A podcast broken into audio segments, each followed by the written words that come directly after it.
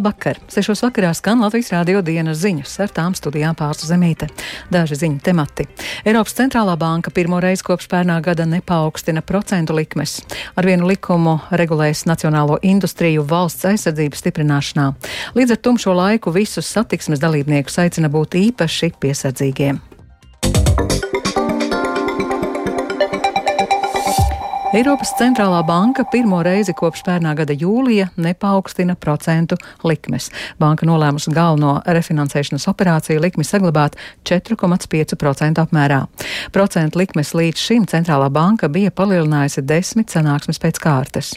Finanšu tirgus pārvaldes vadītājs no SEB bankas Andris Lāriņš norāda, ka centrālā banka ir izvērtējusi iepriekš īstenotos pretinflācijas pasākumus un nolēmusi iepauzēt, lai palūkotos, kāda būs būs ekonomiskā izaugsme un kā reaģēs kreditēšanas tirgus, kas Eiropā šobrīd bremzējas. Varēs arī vērot, kā ekonomiskā izaugsme ietekmēs inflāciju. Šobrīd viņa nepaukstināja. Ir atvērtas visas durvis vaļā turpmākajai rīcībai attiecībā uz paaugstināšanu. Viņi katrā ziņā vispār nerunāja par potenciālu likuma pazemināšanu tas, kas interesē tirgu šobrīd, ir, ja jau ekonomika sāk bremzēties, pazīmes, ka arī inflācija tomēr sasniegs tos plānotos 2%, un kad tad varēs uh, ieraudzīt nākamo likuma pazeminājumu. Domāju, ka pazeminājumu tas, ko novērojam tirgu, gaida ne ātrāk kā nākamā gada otrā pusē. Krievijā reģistrētus transporta līdzekļus konfiscēs, ja tie nebūs reģistrēti Latvijā trīs mēnešu laikā. To paredz saimā pirmajā lasījumā atbalstītās izmaiņas ceļu satiksmes likumā, ko plānots pieņemt novembra vidū, bet spēkā tās stātos februāra vidū. Plānots, ka konfiscētos transporta līdzekļus nodos Ukrainai, tādējādi sniedzot atbalstu Ukrainai cīņā ar agresoru valsti. Krievijas izvērstais karš Ukrainā arī Latvijā militāro ražošanu ir nolicis starp augstākajām prioritātēm. Latvijā plāno veidot valsts kapitāls sabiedrību šo procesu pāraudzībai un virzīšanai. Tas nozīmē, ka arī visus aizsardzības industrijas nosacījumus apkopos vienu vietu - aizsardzības industrijas likuma projektā. Viens no mērķiem ir plašāka vietējās industrijas iesaiste valstī vajadzīgā aizsardzības ekipējuma ražošanā, kā arī neatkārtot slikto praksi aizsardzības jomas iepirkumos. Jānis Kīncis apkopojas saimā spriesto par topošo likumu. Ar jauno likumu plānots noteikt jaunu aizsardzības nozares un aizsardzības industrijas sadarbības veidu, stratēģisko partnerību, kā arī drošas piegādes.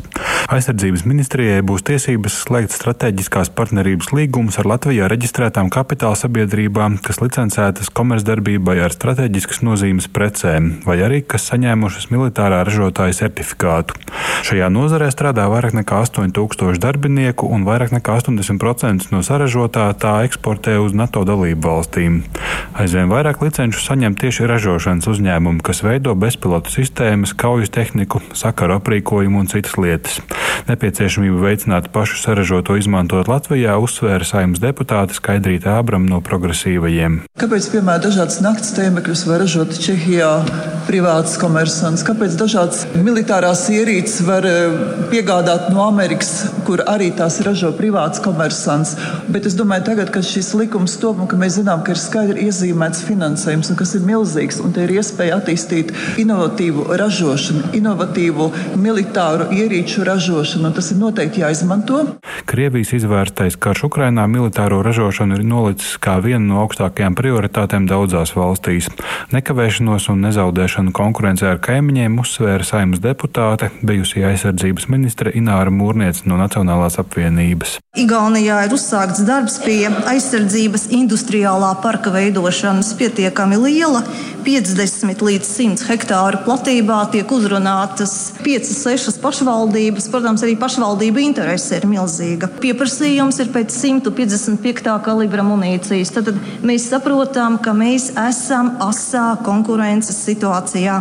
Saimnes debatēs vairāk kārt izskanējušo atgādinājumu par skandalozo ēdināšanas iepirkumu Nacionālo bruņoto spēku vajadzībām bijusī ministra saistīja ar politisko iejaukšanos iepirkumos. Tādu praksi atkārtot nedrīkst, un arī iepirkuma izmaksām jābūt skaidrām. To klāstīja arī deputāts Ainārs Lesers no Latvijas pirmajā vietā. Negribētos, lai atkal būtu tā, ka nezināmi uzņēmumi, jeb uzņēmumi, kas kādā vecā angārā nodarbojas ar uzņēmēju darbību, piemēram, patronu ražošanu. Un tad, kad parādās informācija par patronām, Izrādās, ka tās patronas patriotiski saražotās Latvijā maksā vairāk kārtīgi dārgāk nekā tas ir būtu iepirkts ārzemēs. Jaunajā likumā aizsardzības industrijai būs skaidrāki un pārskatāmāki noteikumi saistībā ar drošības prasībām, atbalstu attīstībai un investīciju piesaistēji, kā arī par piegāžu drošību. Likumu saimā skatīs vēl divos lasījumos - Jānis Kincis, Latvijas radio. Briselē sākas Eiropas Savienības līderu tikšanās. Šoreiz diskusijas galvenokārt raisīsies ap situāciju tuvajos austrumos, karu Ukrainā, migrāciju un budžetu. Ir sagaidāms, ka Eiropas līderi mudinās ieviest humānās pauzes, lai Gazā būtu iespējams nogādāt palīdzību. Ir izskanējusi informācija, ka Baltijas valstu līderi grasās izteikt neapmierinātību ar Ungārijas premjera Viktora Orbāna tikšanos ar Krievijas prezidentu Vladimiru Putinu. Savukārt pats Orbāns norādījis, ka Ungārija ir vienīgā, kas runājot miera vārdā. Mums ir ļoti skaidra un caurskatāma stratēģija, kas atšķiras no daudzu citu stratēģijas un droši vien arī no jūsu stratēģijas. Jums ir kara stratēģija, mums ir miera stratēģija. Mēs gribētu darīt visu, lai būtu miers, tāpēc mēs turam visus komunikācijas kanālus ar Krieviju atvērtus. Tā ir stratēģija un mēs ar to esam lepni. Mēs esam vienīgie, kas runā miera vārdā, kas būtu visu interesēs Eiropā. Tā Ungārijas premjerministrs Viktors Orbāns. Saūda Arābijā šodien atsākās sarunas par pamieru Sudānas sešus mēnešus ilgajā karā, kas izcēlies starp armiju un paramilitārajiem ātrā atbalsta spēkiem un kurā gājuši bojā vairāk nekā 9000 cilvēku. Taču nesen notikusī Irānas satuvināšanās ar šīs Ziemeļāfrikas valsts armijas vadību raisa bažas par iespējamo ārējo spēku iejaukšanos konfliktā un tā eskalāciju. Turpina Rustām Šukūraus. Ziņu aģentūra Bloomberg vēsta, ka Sudānas ārlietu ministra pienākumu izpildītājs jūlijā tikās ar savu Irānas kolēģi Azerbaidžānā, kur tika panākta vienošanās atjaunot pirms septiņiem gadiem pārautās abu valstu diplomātiskās attiecības un stiprināt politiskās un ekonomiskās saites. Kāds vārdā nenosaukts ASV valsts departamenta pārstāvis pavēstīja Bloomberg, ka Vašingtona ir izteikusi bažas Sudānas armijas vadībai par tās kontaktiem un sadarbības atjaunošanu ar Irānas pusi. ASV un citas rietumu valstis bažījies, ka Irāna varētu piegādāt Sudānas armijai ieročus, tostarp bezpilota lidaparātus un sniegt cita veida militāro atbalstu. Tāpat Bloomberg atzīmē, ka Teherānas un Hartūmas sadarbība varētu izjaukt ASV centienus normalizēt Sudānas attiecības ar Izrēlu. ASV mēneša štatā norisinās plaša policijas operācija, lai notvērtu vīrieti, kurš vakar vakarā sarīkoja apšaudi Loistonas pilsētiņā un nogalināja vismaz 16 cilvēkus. Varas iestādes ir aicinājušas iedzīvotājus palikt mājās, jo iespējamais uzbrucējs var mēģināt sarīkot jaunas apšaude, apšaudes. Loistonas iedzīvotājs Brendons atradās bowlinga zālē brīdī, kad tur iebruka šāvējs un atklāja uguni. Vīrietis pastāstīja, kā viņam izdevās izglābties. Bija skaļš troksnis. Es sākumā domāju, ka ir pārsprādzis balons. Tad es pagriezos un ieraudzīju vīrieti ar šaujamieroci rokās. Es sāku skriet pa bowlinga celiņu un ieslīdēju vietā, kur atrodas ķegļi. Tad es uzkāpu uz ierīces virs ķeģļiem un gaidīju tur aptuveni desmit minūtes, līdz ieradās policija. Kad es izdzirdēju pirmo šāvienu, aiz manis atradās kādi 15 cilvēki. Šāvējs bija patiešām ļoti tuvu. Uzbrukumā nenogalināja nevienu manu draugu, bet starp sašautajiem bija viens man zināms puisis. Es ierados spēlēt viens pats un nebiju tur pat desmit minūtes. Šī Amerikas Savienotajās valstīs ir kārtējā nāvējošā masa apšaude šajā gadā. Mēneša štats tiek uzskatīts par vienu no drošākajiem Amerikas Savienotajās valstīs, tāpēc notikušais Luistonā ir milzīgs šoks štata iedzīvotājiem.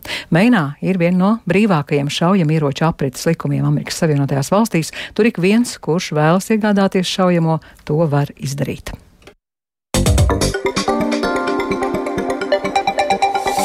Līdz ar tumšo laiku visus satiksmes dalībniekus aicina būt īpaši piesardzīgiem.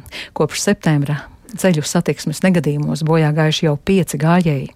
Dienas kļūst aizvien īsākas un pasliktinās arī laikapstākļi, tāpēc gājējiem nepieciešami atstarotāji. Turpina Paula Dēvica.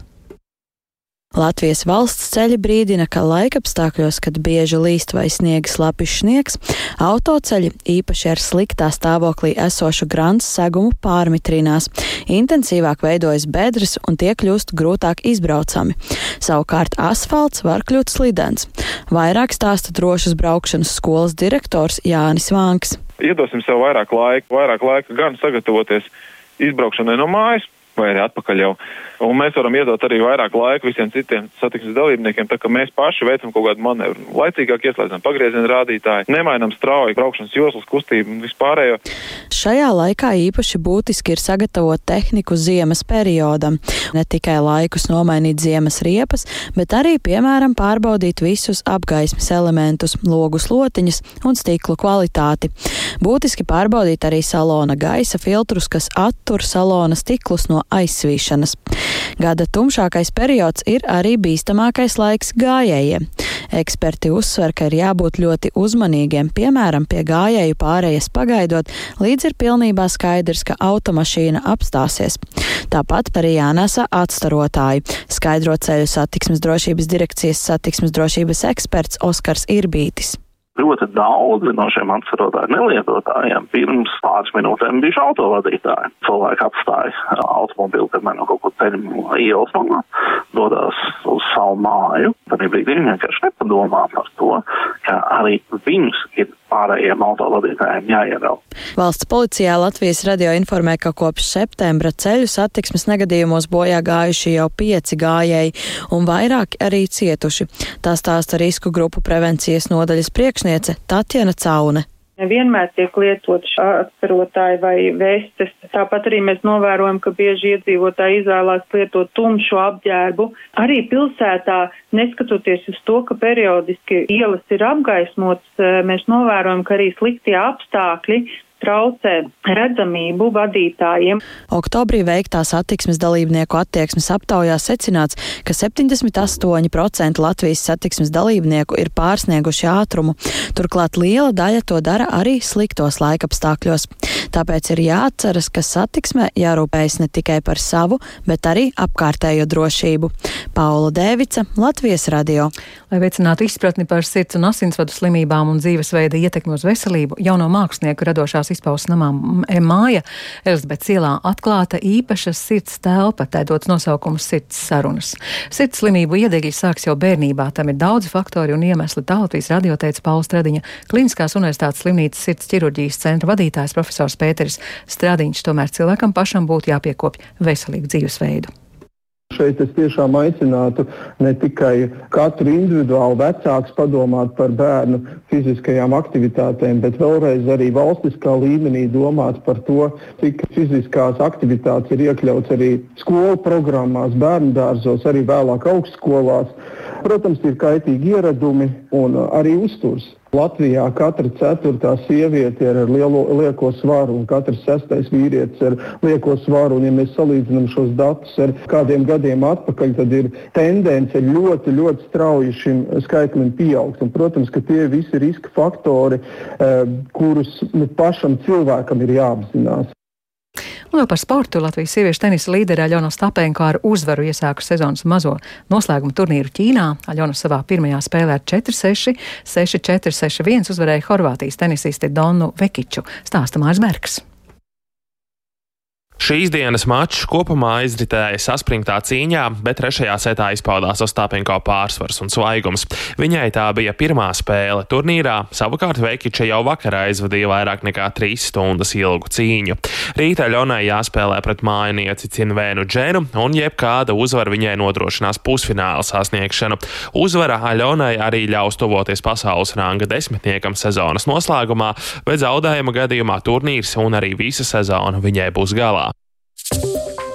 Un, lai to izskan Latvijas rādio dienas ziņas, producents Viktors Pupiks ierakstus montēja Ūdis Grīnbergs par labskaņu rūpējās Iveta Zvejniece, ar jums runāja Pārsla Zemīte. Rīgā 1 grāds austrumu vējš 6 m2, gaisa spiediens 755 mm, gaisa relatīvais mitrums 90%, bet kāds laiks gadāms turpmāk prognozē sinoptiķe Ilze Golubeva. Piektdien debesis aizklās bieza mākoņu saga un daudz viet gaidāms gan lietus, gan arī sniegs. Vietām arī sasalstošs lietus, un jārēķinās, ka braukšanas apstākļi būs sarežģītāki, jo snikšanas laikā pasliktināsies redzamība un ceļi būs slideni. Gaisa temperatūra kā naktī, tā arī dienā būs mīnus 2,3 grādu robežās. Arī sestdien un naktī uz svētdienu laiks būs vēs, vietām sagaidīsim nelielus nokrišņus, bet svētdien dienā sniegu nomainīs lietus un pakāpeniski kļūs siltāks.